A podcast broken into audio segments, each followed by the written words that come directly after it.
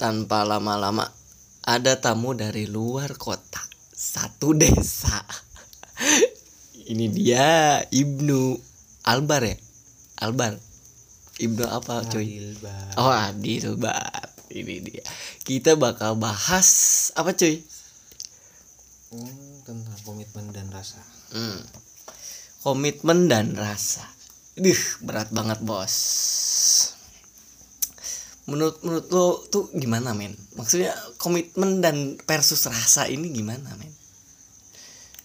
Itu lebih kembali kepada ke diri sendiri ya Mhm. diri seseorang gitu. Hmm.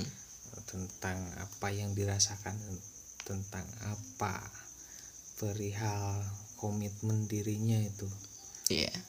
Makanya kadang ada per apa ya perdebatan perdebatan antara rasa dengan komitmen diri Hmm. gitu tatkala keduanya dihadapkan secara bersamaan Ih, berat bos. Ini gue pengen tahu nih, masalahnya gini, komitmen itu gimana sih menurut lo? kalau menurut gue sih gini komitmen itu lebih kepada ke prinsip prinsip hidup kita gitu apa yang harus kita lakukan gitu apa yang kita percayai dan apa yang kita yakini itu adalah sebuah komitmen gitu Terhadap diri sendiri terhadap diri sendiri ya. dan orang lain. dan orang lain bisa Hmm. Kalau komitmen terhadap pasangan tuh gimana men? Itu lebih kepada sebuah hubungan ya Hmm. sebuah hubungan komitmen hubungan eh, ruang lingkup itu mungkin dari segi saling percaya Ya. em, terus eh, saling mengerti Ya. saling memahami ya seperti itulah Kalau di rasanya gimana nih? Rasanya rasanya. Kalau masalah dirasa itu apa yang kita rasakan? Apa yang kita rasakan berbenturan dengan komitmen kita itu maksudnya komitmen komitmen kita. Seperti halnya contoh seperti ini ya. Kita mempunyai komitmen ya. Misalkan kepada hubung kepada pasangan kita ya. Hmm. kalau sudah kamu melakukan kesalahan satu kali lagi aku tak akan mengenalmu lagi gitu. Hmm. nah tak perihal itu Hmm. terus si pasangan kita itu membuat kesalahan itu gitu tapi dengan dengan apa ya? Tidak sengaja. Dengan tidak sengaja gitu Ya. itu kan jadi pergejolakan di diri kita gitu Oh, antara iya. komitmen yang kita pegang dengan Iya. rasa yang kita rasakan gitu di satu sisi gitu komitmen gue harus kuat nih di Hmm. sisi lain rasa ini kan susah gitu untuk, Mhm.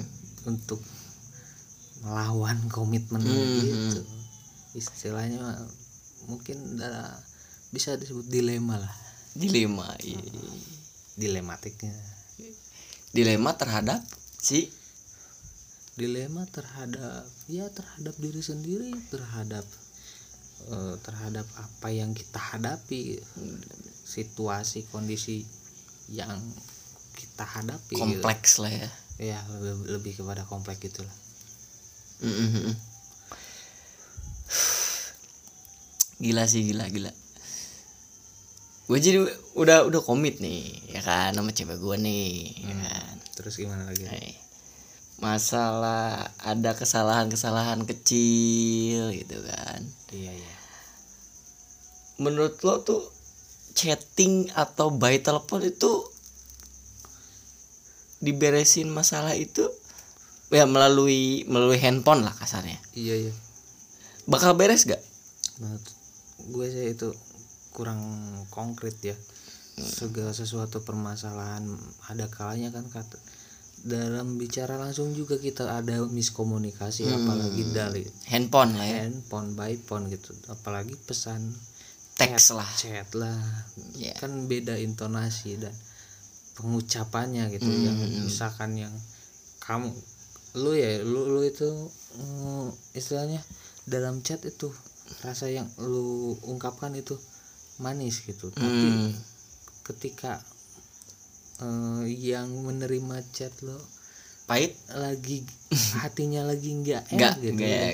kan. keterimanya jadi pahit bro. Oh iya iya iya, iya ngerti ngerti ngerti. Jadi balik lagi ke personalnya dong. Ya iya lebih balik lagi ke personal dan em, bagaimana kita menanggapinya lah. Mhm. Oke oke oke oke. Terus kalau misalkan nih gua nih, gua punya ada kes eh bukan punya lah, ada kesalahan yang gua nggak sadari pengucapannya dan itu nggak diterima. Contohnya sama cewek gua nih. iya iya Nah, ada kalanya diberesin di handphone, ya kan? Dan sedangkan gua nggak bisa, nggak bisa melalui handphone. Tahu kan efeknya gimana? Mhm. Bukan makin baik, Iya. mungkin bakal bak- makin runyem nih, ya kan? Masalah makin runyem lah. pasti bro pasti Aduh, ada suara motor lagi, Sewe. kan biar lebih natural gitu. natural kita masih di kampung bos sorry sorry lah nah dan si perempuan itu gua aja ketemu ada kalanya kita ngobrol tuh mungkin lagi panas lah ya Hmm. nggak bisa nih ya Nah, menurut lo gue harus gimana nih? Apa gua diemin? Apa gua harus tetap berusaha nih semampu gua atau harus gimana nih? Ya kan? Terkadang yang orang yang punya salah itu bingung ngadepinnya gimana nih? Kan beda-beda kan orang-orang tuh. Ada yang harus by chat, by telepon, by langsung face to face gitu kan, orang ke orang langsung. Sedangkan orangnya nggak mau ketemu nih. Contohnya gimana nih? Eh, kalau saran gue gue sih gini bro. Hmm, lu jelasin aja apa ya maksud lu itu. Ngerti gak ngerti dia juga suatu saat akan ngerti tentang apa pola pikir lo tentang apa yang lo inginkan penting jelaskan aja deskripsikan aja dalam sebuah chat. Misalkan itu bisanya dalam sebuah chat ya atau kan dalam by phone juga gak apa-apa. Kalau misalkan bisa dalam by phone juga nya lebih kepada nanti penjelasan yang lebih lengkapnya lu bis- bisa langsung ngobrol ketika ada kesempatan itu bro. Hmm. Terkadang teori itu emang manis men. Maksud gua tuh emang manis nih. Teori manis ya kan? Pasti itu. Pa- teori misalkan lu bisa ngomong ke gua gini gini gini. Dan kenyataan tuh jauh. Ya kan misalkan ya kan? Jauh lah dari teori itu. Ya kan? Iya. Tergantung kondisinya. Nah sebaiknya apa yang harus gue lakuin gitu. Sedangkan gue bingung. Pasrah aja bro. Pasrah. Udah pasrah ya. Jadi kadang-kadang ada ada sesuatu yang tidak bisa teori manusia pecahkan itu Eh, yang bagusnya itu yang lebih konkretnya itu teori Tuhan bro. Teori takdir teori nasib. Hmm, itu tidak bisa dipungkiri itu melawan dari teori-teori manusia bro. Yang kadang-kadang kejutan lah ya. Ya, bisa disebut kejutan lah ya. bisa disebut surprise gitu. Tidak bisa eh kasarnya lu harus gini gini gini gini gini misal. dan gua lakuin itu secara nyata itu nggak kena iya kan holy shit mau ada telepon dong. biasa. Gue reject dulu ya. Di reject lah bos. Kita lagi kita lagi ngobrol. Ngob- ngobrol santai. Ngobrol santai. Jadi rasa sama komitmen tuh bisa dikatakanlah berben berbenturan ya. Ya tatkala kalau dihadapkan itu bisa jadi ber- berbenturan. Dan eh, jadinya pergulatan diri kita sendiri lah Hmm. seperti itu. Ya jangan sampai lah soalnya itu sesuatu hal yang sulit untuk dipecahkan bro. Hmm. sampai saat ini gak ada obatnya itu. Ya. antara teori Ah, komitmen diri versus rasa itu Ah. sulit untuk dipecahkannya bro Oke oke oke. Di gua gua gua ngomong ngobrol yang lain nih di luar jalur nih. ya gak apa-apa Ini kita bahas soal maaf, kata maaf. hmm. Hmm, ya kan? Ini poin nih. Poin di semua masalah dan di semua kondisi. Iya. Kata maaf. Menurut lu mau lu kayak meminta maaf atau lu walaupun nggak salah nih, lu meminta maaf sama seseorang dan lu tahu itu bukan kesalahan lo. Apa itu menurunkan derajat lu atau atau gimana? tidak bro kata maaf itu kata yang baik Hmm? bagaimanapun posisinya jikalau kita salah atau kita benar juga kata maaf itu bukan sesuatu yang rugi bro Hmm. Hmm, sem- semua orang bisa mengucapkannya. Emang sulit. Kadang kata maaf itu mengungkapkannya. Kata maaf itu mm, mengungkapkannya ya pasti ada pergejo- pergejolakan juga antara kayak ibarat ada beban. Nah, misalkan nanti ras, rasa dengan dengan komitmen. Hmm. Nah, kalau misalkan maaf itu lebih ya. Lebih kepada dengan ego bro. Ya ego ego. Susah itu. Hmm. sama. Eh ini ada teori nih ya. Gue search dari Google nih. Bahwa maaf itu bisa menjadi seseorang menambah eh kayak ibarat kayak sedikit bijaksana lah ya. Hmm. menurut lu setuju nggak menurut gue sih setuju. Kata maaf itu hanya untuk orang-orang dewasa bro orang-orang yang bisa berpikir hmm, bagaimana gitu? Cara menyelesaikan suatu masalah. Hmm. ya dengan sedi- sedikit menurunkan ego kita semua permasalahan kok bisa jadi selesai kok. Hmm, hmm, hmm, hmm. tidak harus dengan kita menaikkan ego kita. Eh, atau kayak kasarnya lu ngerti kan? Gitu. Misalkan kayak cewek nih ngambek gitu kan. Itulah. Lu tahu kan cewek moodnya tuh swing man naik turun gitu kan. Lu harus nah itu yang cowok bikin gua harus apa? Gua harus gimana? Itu kan. Dan gue jujur aja gitu kan. Gue sering kayak meminta maaf duluan. Terkadang walaupun gue gue tahu itu gue bukan pure kesalahan gue gitu. Tapi terkadang gue terbelenggu dengan kesalahan-kesalahan gue mending gue minta maaf aja gitu. Ya gak apa-apa juga bro. Eh kalau misalkan minta maaf itu sebuah ciri sebuah tanda. Tanda apa nih? Tanda bahwa lu bener-bener rasa lu emang besar kepada dia. Hmm, itu tapi kan bukan berarti kalau misalkan ada eh dianya hmm. nggak meminta maaf nggak ada rasa dong bukan berarti ya itu lebih kepada penilaian diri sendiri aja personalitinya lah ya personality itu yang merasain kan lu yang jalan Hmm. hubungan lu kenapa gue yang harus ribet Iya, Kenapa gue yang maksudnya tahu? kan gua gua gua ngenang lo tuh gak sih? Iya, ini biar iya, kita teori nggak nggak nggak ada nggak ada bahasa yang selek nih boy. teori dasarnya sih seperti itu Oh, iya. antara komitmen rasa ego dan maaf Iya. semuanya itu saling Campur aduk lah ya. berkesinambungan. Hmm. antara ruang lingkupnya itu itu aja hmm. bagaimana kita cara mem- mencari jalan keluarnya aja yang Oh, mana kalau iya. misalkan kita mau ngikutin ego ya itu turutin ego lu ya terima konsekuensi lo gitu. Resikonya. resikonya misal kita mengikuti komitmen kita gitu Hmm.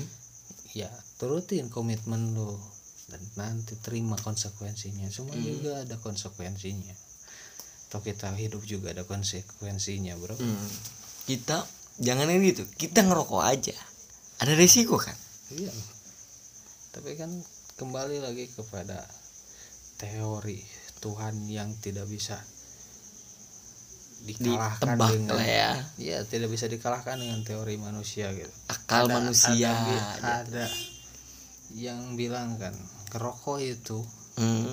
membunuh membunuh. Tapi kenapa misalkan banyak juga yang tidak merokok pada mati duluan yang Iya, masih iya, iya. yang yang ngerokok Iya, masih hidup semua sampai berapa puluh tahun ya, sampai Hmm. 70 tahun 80 tahun malah sampai 100 tahun ada yang mengerokok dan masih hidup kan itu suatu teori yang tidak bisa dipecahkan oleh manusia sendiri bro. benar benar benar benar.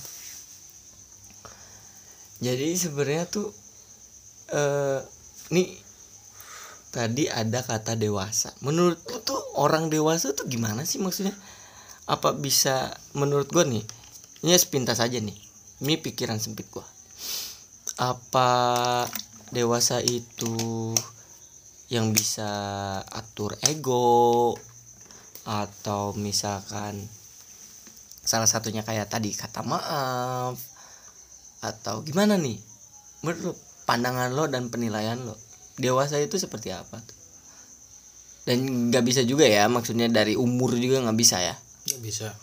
Nggak bisa Jadi, kedewasaan itu. Menurut lo dewasa tuh gimana sih? Kedewasaan itu tertanam dari diri dan juga bisa berpengaruh dari lingkungan. Lingkungan. Lingkungan. Tidak bisa dikategorikan dengan umur. Banyak.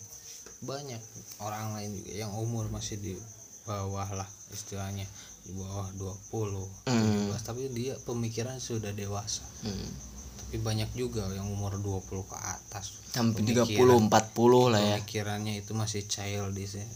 bocah lah ya Bocah katakanlah kata. Itu lebih kepada lingkungan dan cara berpikir seseorang. Hmm. menurut lo gini ada orang punya masalah hadepin. Menurut lo itu dewasa nggak jelas itu dewasa. Dewasa ya kan? Udah itu garis besar dewasa. Dan ini nih ini ada opsi dua ya kan? Opsi dua ada orang punya masalah. Lebih baik dia diam dan bungkam. Maksudnya apa dia kategori dewasa pengecut kah atau apakah? Gitu kan.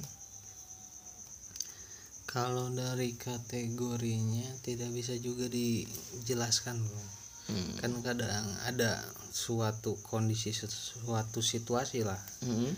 yang tidak bisa dipahami gitu Hmm. dan bagaimana kita cara bisa membaca situasinya juga gitu Hmm. bagaimana kita harus bicara apakah kita harus bicara ataukah kita harus diam Hmm. tergantung situasi dan permasalahan tersebut Hmm. ya dari situ kita tuntutan kita itu tuntutan diri kita gitu bahwa pemikiran kita kita bisa berpikir Hmm. apa dampak ke depannya kalau Yeah. sudah terprediksi dampak ke depannya lo Hmm. bisa tentuin sikap lo harus diam ataukah harus bicara tentang permasalahan itu Iya, Gitu, benar bro. Asik nih. Gila nih. Nih nih nih bo- bocah suka dijolokin Julian. Nggak tahu dari mana Julian. Julian itu yang gua tahu dari film Korea yang suka memberi kebohongan-kebohongan. Indah boy. Gila nggak? Ibnu. Siapa sih yang nggak kenal Ibnu di kota gua nih? Terutama kota Ciamis daerahnya Cikoneng bos. Gitu kan. Berlebihan banget, promosi bro. promosi promosi gitu. Kan. berlebihan banget bro gue gas parah itu. Ya kan tidak bisa dibungkiri lah. Tapi thank you banget nih.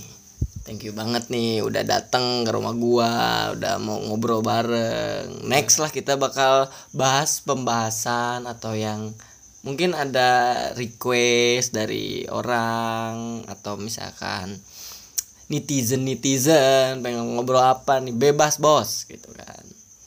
Lu mau apa mau apa silahkan ya. Eh gue tutup aja gue nggak jago tutup bala bala bala bala bla. Udahlah thank you. Bye.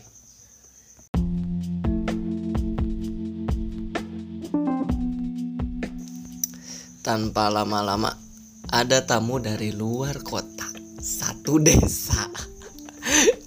Ini dia Ibnu Albar ya? Albar. Ibnu apa Bang. oh Adil Bar ini dia kita bakal bahas apa cuy? Tentang komitmen dan rasa. Hmm. komitmen dan rasa. Duh, berat banget bos. Menurut menurut lo tuh gimana men? Maksudnya komitmen dan versus rasa ini gimana men? Itu lebih kembali kepada ke diri sendiri ya. Mhm. diri seseorang gitu. Hmm. tentang apa yang dirasakan tentang apa perihal komitmen dirinya itu. Iya. Makanya kadang ada per apa ya? Perdebatan. Perdebatan antara rasa dengan komitmen diri Hmm. gitu. Tatkala keduanya dihadapkan secara bersamaan. Ih, berat bos. Ini gue pengen tahu nih, masalahnya gini, komitmen itu gimana sih menurut lo? kalau menurut gue sih gini komitmen itu lebih kepada ke prinsip prinsip hidup kita gitu. Apa yang harus kita lakukan gitu. Apa yang kita percayai dan apa yang kita yakini. Itu adalah sebuah komitmen gitu Terhadap diri sendiri terhadap diri sendiri ya. dan orang lain. dan orang lain bisa Hmm. Kalau komitmen terhadap pasangan tuh gimana men? itu lebih kepada sebuah hubungan ya Hmm. sebuah hubungan komitmen hubungan eh, ruang lingkup itu mungkin dari segi saling percaya Ya. Hmm, terus eh, saling mengerti Ya. saling memahami. Ya seperti itulah. Kalau di rasanya gimana nih? Rasanya rasanya. kalau masalah dirasa itu apa yang kita rasakan? Apa yang kita rasakan berbenturan dengan komitmen kita itu maksudnya komitmen komitmen kita. Seperti halnya contoh seperti ini ya. Kita mempunyai komitmen ya misalkan kepada hubung kepada pasangan kita ya Hmm. kalau sudah kamu melakukan kesalahan satu kali lagi aku tak akan mengenalmu lagi gitu. Hmm. nah tak perihal itu Hmm. terus si pasangan kita itu membuat kesalahan itu gitu tapi dengan dengan ya? Tidak sengaja. Dengan tidak sengaja gitu Ya. itu kan jadi pergejolakan di diri kita gitu Oh, antara iya. komitmen yang kita pegang dengan Iya. rasa yang kita rasakan gitu di satu sisi gitu komitmen gue harus kuat nih di Hmm. sisi lain rasa ini kan susah gitu Mhm. untuk melawan komitmen Mhm. gitu istilahnya mungkin bisa disebut dilema lah Dilema. iya. dilematiknya Dilema terhadap si dilema terhadap ya terhadap diri sendiri terhadap eh, terhadap apa yang kita hadapi situasi kondisi yang kita hadapi gitu. kompleks lah ya. ya lebih, lebih kepada kompleks itu Mhm. Gila sih gila gila. Gue jadi udah udah komit nih ya kan sama cewek gue nih. ya kan. terus gimana lagi Hai. Masalah ada kesalahan-kesalahan kecil gitu kan. iya iya Menurut lo tuh chatting atau by telepon itu diberesin masalah itu ya melalui melalui handphone lah kasarnya. iya iya Bakal beres gak? Itu kurang konkret ya. Segala sesuatu permasalahan ada kalanya kan kata dalam bicara langsung juga kita ada miskomunikasi Hmm. apalagi dari handphone lah ya. Handphone by phone gitu. Apalagi pesan teks lah. chat lah. Ya kan beda intonasi dan pengucapannya gitu Hmm. yang misalkan yang kamu lu ya lu lu itu mm, istilahnya dalam chat itu rasa yang lu ungkapkan itu manis gitu tapi Hmm. ketika eh, yang menerima chat lo pahit lagi hatinya lagi nggak enak gitu nggak. ya. kan keterimanya jadi pahit bro oh iya iya iya iya, ngerti ngerti ngerti jadi balik lagi ke personalnya dong ya iya lebih balik lagi ke personal dan em, bagaimana kita menanggapinya lah Mhm. Oke oke oke oke. Terus kalau misalkan nih gua nih, gua punya ada kes eh bukan punya lah, ada kesalahan yang gua nggak sadari pengucapannya dan itu nggak diterima. Contohnya sama cewek gua nih. iya iya Nah, ada kalanya diberesin di handphone, ya kan? Dan sedangkan gua nggak bisa, nggak bisa melalui handphone. Tahu kan efeknya gimana? Hmm, Bukan makin baik, iya mungkin bakal bak makin runyem nih, ya kan? Masalah makin runyem lah. pasti bro pasti Aduh, ada suara motor lagi. Suwe. kan biar lebih natural gitu. natural kita masih di kampung bos sorry sorry lah nah dan si perempuan itu gua ajak ketemu ada kalanya kita ngobrol tuh mungkin lagi panas lah ya Hmm. nggak bisa nih ya Nah, menurut lo gue harus gimana nih? Apa gua diemin? Apa gua harus tetap berusaha nih semampu gua atau harus gimana nih? Ya kan? Terkadang yang orang yang punya salah itu bingung ngadepinnya gimana nih? Kan beda-beda kan orang-orang tuh. Ada yang harus by chat, by telepon, by langsung face to face gitu kan, orang ke orang langsung. Sedangkan orangnya nggak mau ketemu nih. Contohnya gimana nih? Eh, kalau saran gue gue sih gini bro. Hmm, lu jelasin aja apa yang maksud lu itu ngerti gak ngerti dia juga suatu saat akan ngerti tentang apa pola pikir lu tentang apa yang lu inginkan. Penting jelaskan aja deskripsikan aja dalam sebuah chat. Misalkan itu bisanya dalam sebuah chat. Ya atau kan dalam by, by phone juga gak apa-apa. Hmm. kalau bisa kan bisa dalam by phone juga. Nya lebih kepada nanti penjelasan yang lebih lengkapnya lu bis- bisa langsung ngobrol ketika ada kesempatan itu bro. Hmm. terkadang teori itu emang manis men. Maksud gua tuh emang manis nih. Teori manis ya kan? Pasti loh. Pa- pa- teori misalkan lu bisa ngomong ke gua gini gini. Dan kenyataan tuh jauh. Ya kan misalkan ya kan? Jauh lah dari teori itu. Ya kan? Iya. Tergantung kondisinya. Nah sebaiknya apa yang harus gue lakuin gitu. Sedangkan gue bingung. Pasrah aja bro. Pasrah. Udah pasrah ya. Jadi kadang ada ada sesuatu yang tidak bisa teori manusia pecahkan itu yang bagusnya itu yang lebih konkretnya itu teori Tuhan teori takdir teori nasib. Hmm, itu tidak bisa dipungkiri itu melawan dari teori-teori manusia. Bro hmm. yang kadang-kadang kejutan lah ya. Ya, bisa disebut kejutan lah bisa ya disebut surprise gitu. Tidak bisa eh kasarnya lu harus gini gini gini gini gini. Bisa. Dan gua lakuin itu secara nyata itu nggak kena iya kan?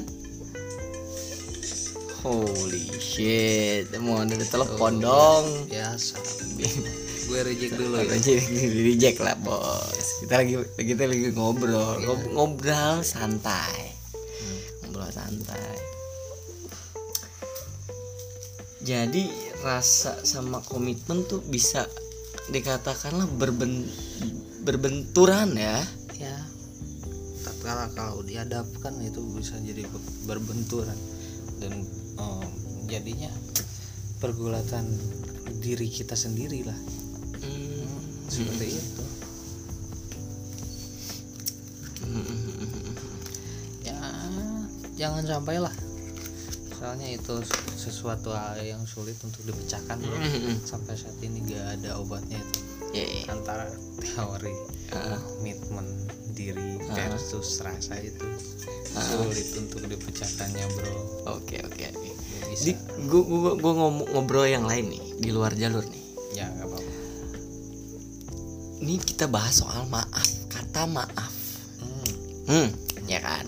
Ini poin nih poin di semua masalah dan di semua kondisi. Iya. kata maaf.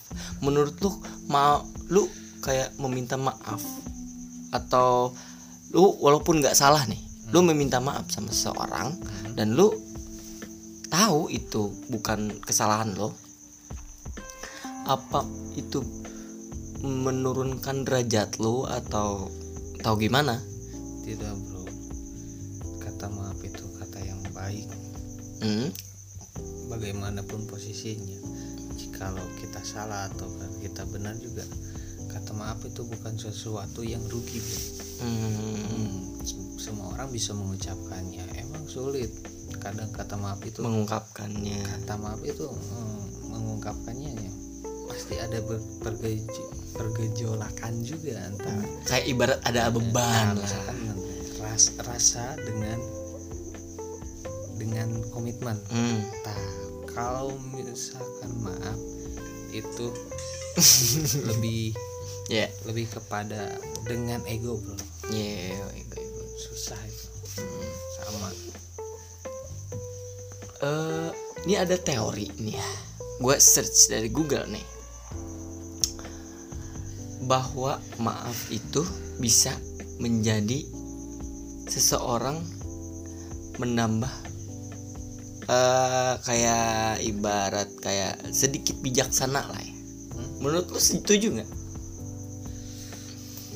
menurut gue sih setuju kata maaf itu hanya untuk orang-orang dewasa bro orang-orang yang bisa berpikir hmm, bagaimana gitu cara menyelesaikan suatu masalah. Hmm. ya dengan sedikit, sedikit menurunkan ego kita semua permasalahan kok bisa jadi selesai kok. Hmm.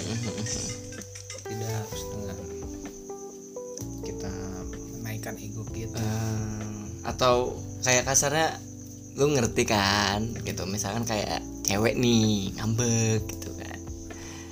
Itulah. Lu tahu kan cewek moodnya tuh swing man naik turun gitu kan. Lu harus dah itu yang cowok bikin gua harus apa? Gua harus gimana? Itu kan. Dan gue jujur aja gitu kan. Gue sering kayak meminta maaf duluan. Terkadang walaupun gue gue tahu itu gue bukan pure kesalahan gue gitu. Tapi terkadang gue terbelenggu dengan kesalahan-kesalahan gue mending gue minta maaf aja gitu gak apa-apa juga bro. Eh kalau misalkan minta maaf itu sebuah ciri sebuah tanda.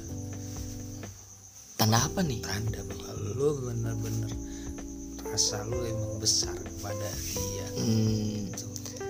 tapi kan bukan berarti kalau misalkan ada eh dianya Hmm. nggak meminta maaf nggak ada rasa dong. Bukan berarti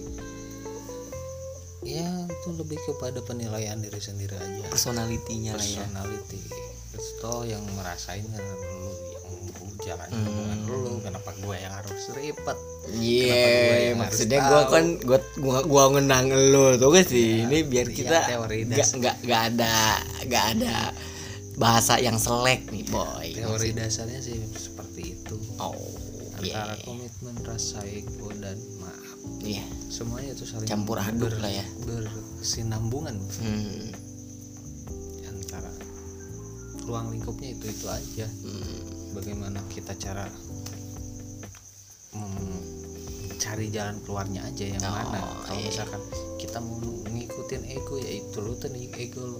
Ya terima konsekuensi lu. Resikonya. Resikonya. Kita mengikuti komitmen kita gitu. Hmm, ya turutin komitmen lu dan nanti terima konsekuensinya semua Hmm. juga ada konsekuensinya atau kita hidup juga ada konsekuensinya bro hmm. kita jangan yang gitu kita ngerokok aja ada resiko kan Iya. Tapi kan kembali lagi kepada teori Tuhan yang tidak bisa dikalahkan ditebak dengan lah ya Iya, tidak bisa dikalahkan dengan teori manusia gitu. akal Ada- manusia ada, gitu. ada yang bilang kan kerokok itu Hmm, membunuhmu tapi kenapa? Misalkan banyak juga yang tidak merokok pada mati. Duluan yang Iya, masih iya, yang yang ngerokok Iya, masih hidup semua. Sampai berapa puluh tahun ya, sampai Hmm. 70 tahun 80 tahun malah sampai 100 tahun ada yang mengerokok dan masih hidup. Kan itu suatu teori yang tidak bisa dipecahkan oleh manusia sendiri. Hmm, benar benar. Jadi sebenarnya tuh eh nih tadi ada kata dewasa. Menurut tuh orang dewasa tuh gimana sih maksudnya? Apa bisa menurut gua nih ini sepintas aja nih ini pikiran sempit gua. Apa dewasa itu yang bisa atur ego atau misalkan salah satunya kayak tadi kata maaf atau gimana nih? Menurut pandangan lo dan penilaian lo dewasa itu seperti apa? Tuh dan nggak bisa juga ya maksudnya dari umur juga nggak bisa ya? Nggak bisa. Nggak bisa lah ya. kedewasaan itu. Menurut lo dewasa tuh gimana sih? Kedewasaan itu tertanam dari diri dan juga bisa berpengaruh dari lingkungan. Lingkungan. Lingkungan. Tidak bisa dikategorikan dengan umur. Banyak. Banyak orang lain juga yang umur masih di bawah lah istilahnya di bawah 20 Hmm. 17 tapi dia pemikiran sudah dewasa. Hmm. tapi banyak juga yang umur 20 ke atas. Sampai 30 Pemikiran- 40 lah ya. pemikirannya itu masih child di sini. Bocah lah ya Bocah katakanlah. kata. Itu lebih kepada lingkungan dan cara berpikir seseorang. Hmm. Menurut tuh gini, ada orang punya masalah, hadepin. Menurut lu itu dewasa nggak? jelas itu dewa Dewasa ya kan, udah itu garis besar dewasa. Dan ini nih, ini ada opsi dua, ya kan? Opsi dua ada orang punya masalah, lebih baik dia diam dan bungkam. Maksudnya apa dia kategori dewasa, pengecut kah atau apakah? Kalau dari kategorinya tidak bisa juga dijelaskan Hmm. kan kadang ada suatu kondisi suatu situasi lah Hmm. yang tidak bisa dipahami gitu Hmm. dan bagaimana kita cara bisa membaca situasinya juga gitu Hmm. bagaimana kita harus bicara apakah kita harus bicara ataukah kita harus diam Hmm. tergantung situasi dan permasalahan tersebut Hmm. ya dari situ kita tuntutan kita itu tuntutan diri kita gitu bahwa pemikiran kita kita bisa berpikir Hmm. apa dampak ke depannya kalau Yeah. sudah terprediksi dampak ke depannya lu Hmm. bisa tentuin sikap lo harus diam ataukah harus bicara tentang permasalahan itu Iya benar benar. bro Asik nih. Gila nih. Nih nih nih bo- bocah suka dijolokin Julian. Nggak tahu dari mana Julian. Julian itu yang gua tahu dari film Korea yang suka memberi kebohongan-kebohongan indah boy gila nggak Ibnu siapa sih yang nggak kenal Ibnu di kota gua nih terutama kota Ciamis daerahnya Cikoneng bos gitu kan segala promosi promosi promosi. Berlebihan banget bro. Gue gas parah itu. Ya kan? Tidak bisa dibungkiri lah. Tapi thank you banget nih. Thank you banget nih udah datang ke rumah gua udah mau ngobrol bareng. Next lah kita bakal bahas pembahasan atau yang mungkin ada request dari orang atau misalkan netizen netizen pengen ngobrol apa nih. Bebas bos gitu lu mau apa mau apa silahkan ya. Eh gue tutup aja gue nggak jago tutup bala bala bala bla bla. Udahlah thank you. Bye